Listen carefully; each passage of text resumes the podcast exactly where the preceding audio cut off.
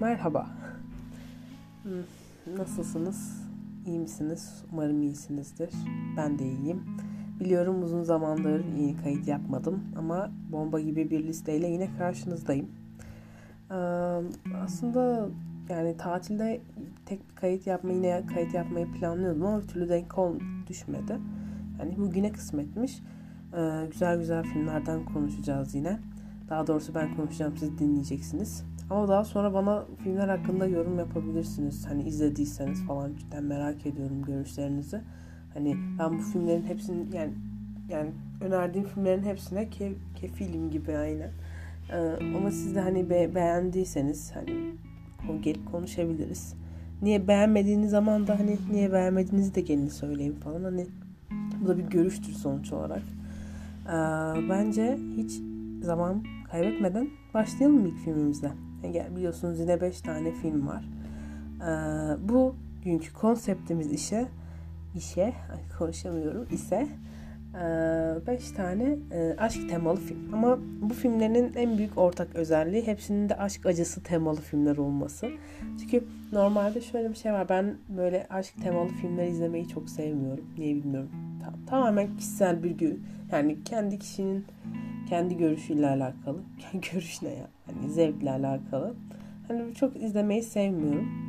Böyle zaten ararken de bayağı zorlandım. Ya ben hiçbir şey izlememişim böyle aşk filmlerine dayalı ne yapabilirim? Sadece bir numaramdan emindim. Ama geri kalan 5 kalan 4 filmi hani bayağı düşündüm. Ha dedim şuna bakıp şu olabilir şunu eleye ve bir iki film eledim. Şey yapınca zar da olsa zor da olsa bir 5 film çıktı ortaya. Ki ben filmlerin hepsini de çok seviyorum. Hani atıp böyle izleyince Allah'ım ki niye keşke daha önce izleseymişim falan dedim çoğuna. Ee, bence siz de zaten çoğu filmi biliyorsunuzdur bence. Çünkü hani böyle kıyıda köşede kalmış filmler değil bence hiçbiri. Hani mutlaka görüp duymuşsunuzdur bir şekilde. İzlemediyseniz de hani ben burada anlatırım biraz. İzlerseniz güzel olur. 5 numarada kim var biliyor musunuz? Aa, Kasım'da Aşk başta, Başkadır. Ya ke, genç Keanu Reeves ve Sharon Theron nasıl, e, isminin nasıl okunduğu konusunda emin değilim ama siz anladınız kim olduğunu. Ee, orijinal ismi Sweet November. Hani Allah ben bu filmi e, geçen Kasım ayında izledim. Çünkü Kasım ayına bir girdiği, girdiğimiz zaman böyle olsa Kasım'da aşk başkadır izlenir falan demişlerdi.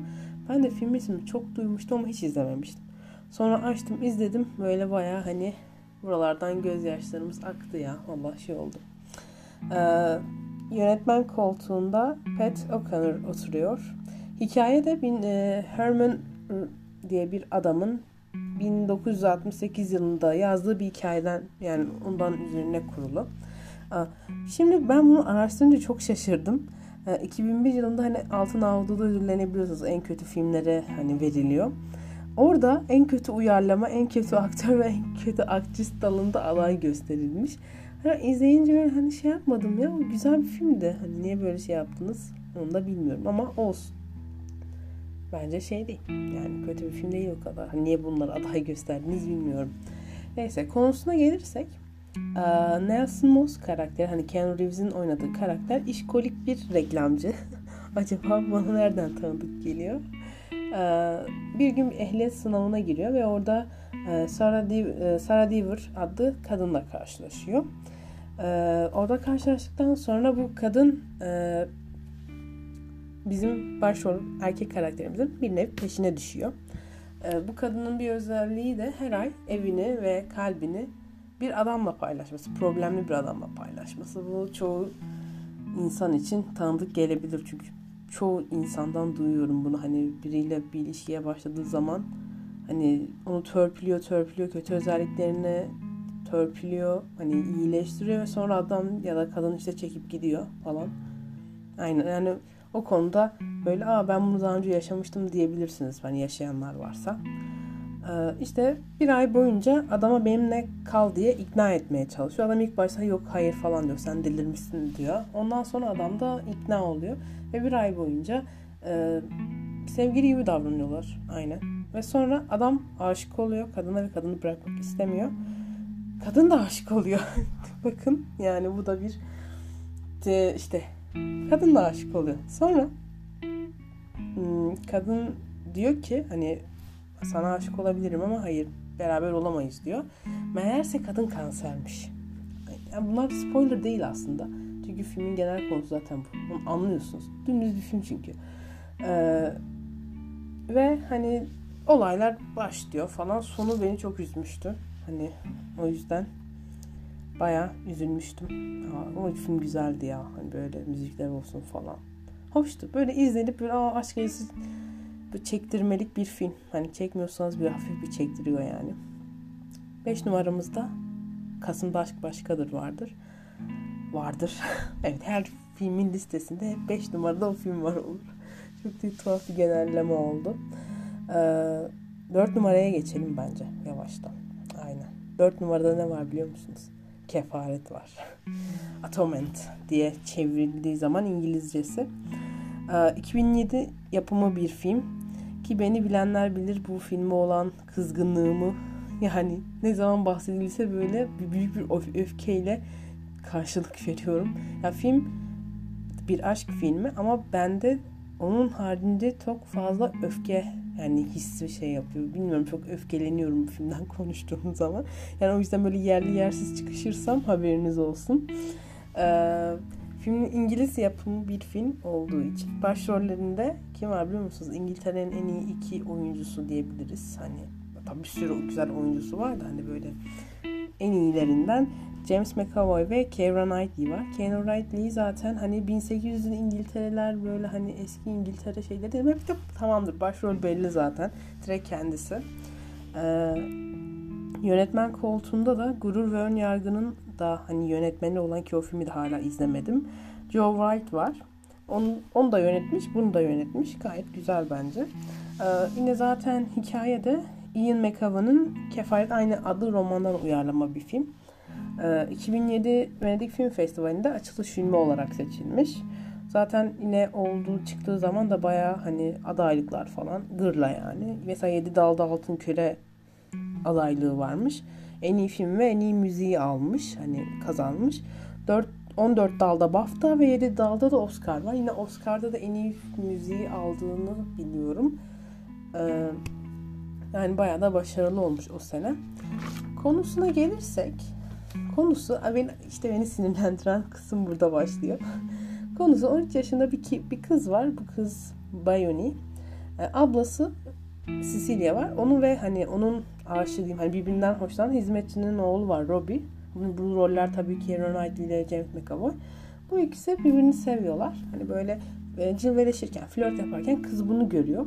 Ve sonra hani bunu yaşananlardan bir hani travmatik bir şey mi hani oluyor da ilerleyen günlerde olan bir hani yaşanacak bir taciz olayında suçu Robbie'ye atıyor.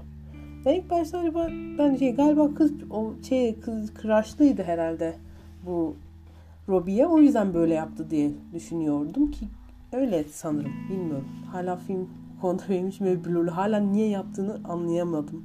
Böyle değişik güzel bir filmdi. Ve sonlarına doğru tabi burada böyle spoiler vermeyeceğim. Hani izleyince zaten izlemişseniz zaten biliyorsunuzdur sonra yaşanacak olanları. Beni böyle bayağı üzmüştü. Hani hem sinirlenmiştim hem üzmüş, üzülmüştüm yani. Hani çok fenaydı.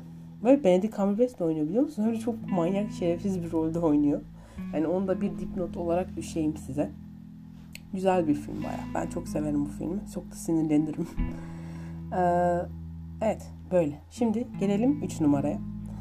3 numarada ki film ben böyle şey mesela hani aşkın böyle bildiğimiz hani halinde olmayan bir durumda diyeyim. Hani bunu nasıl tam açıklayabilirim bilmiyorum.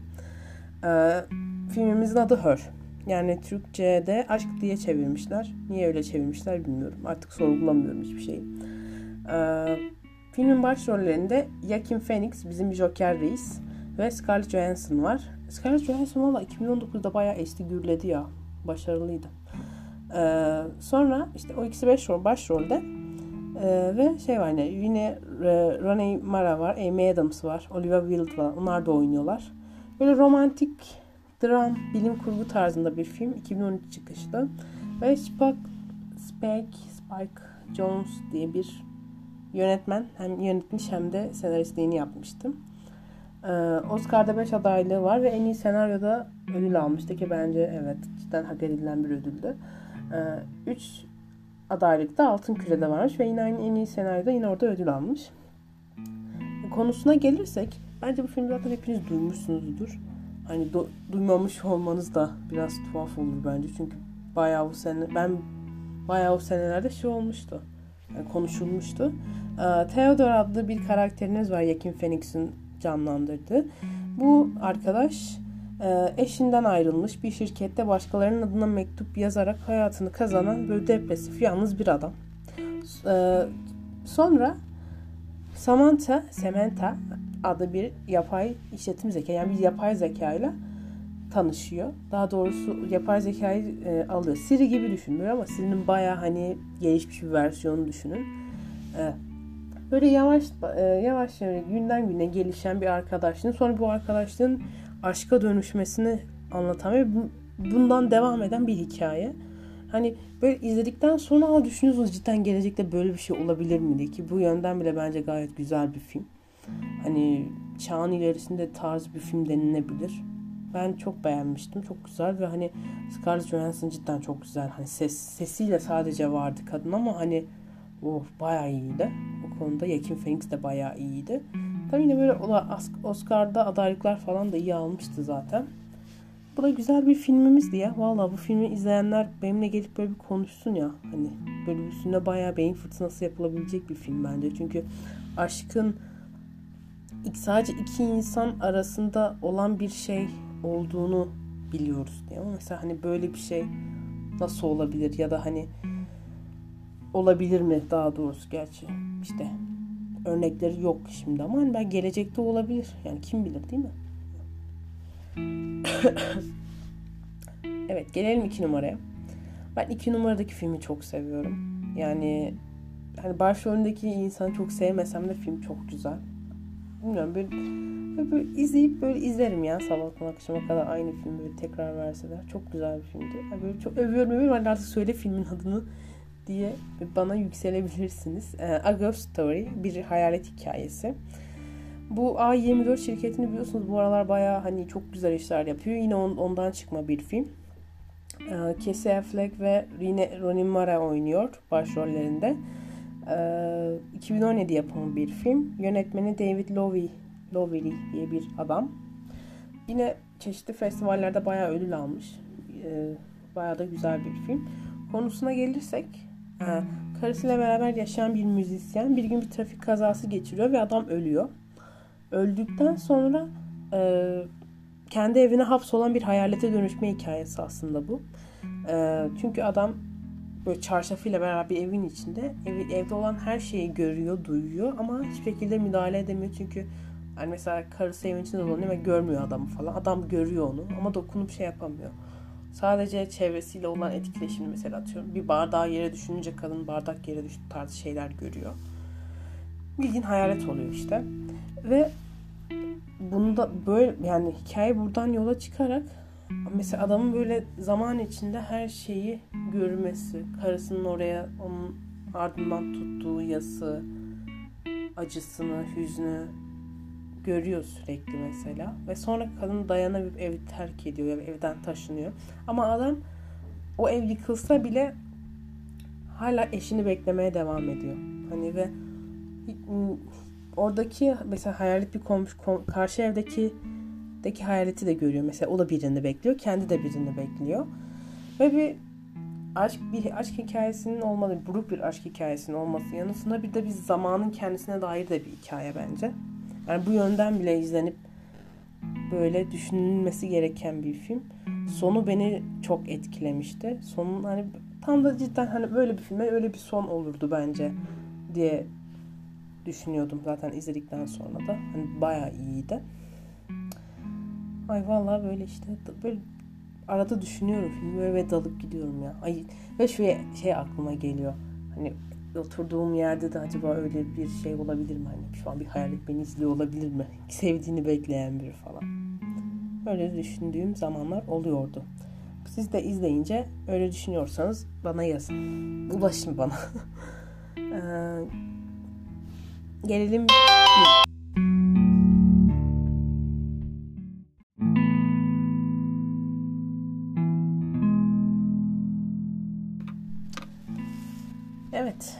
Gelelim bir numaraya.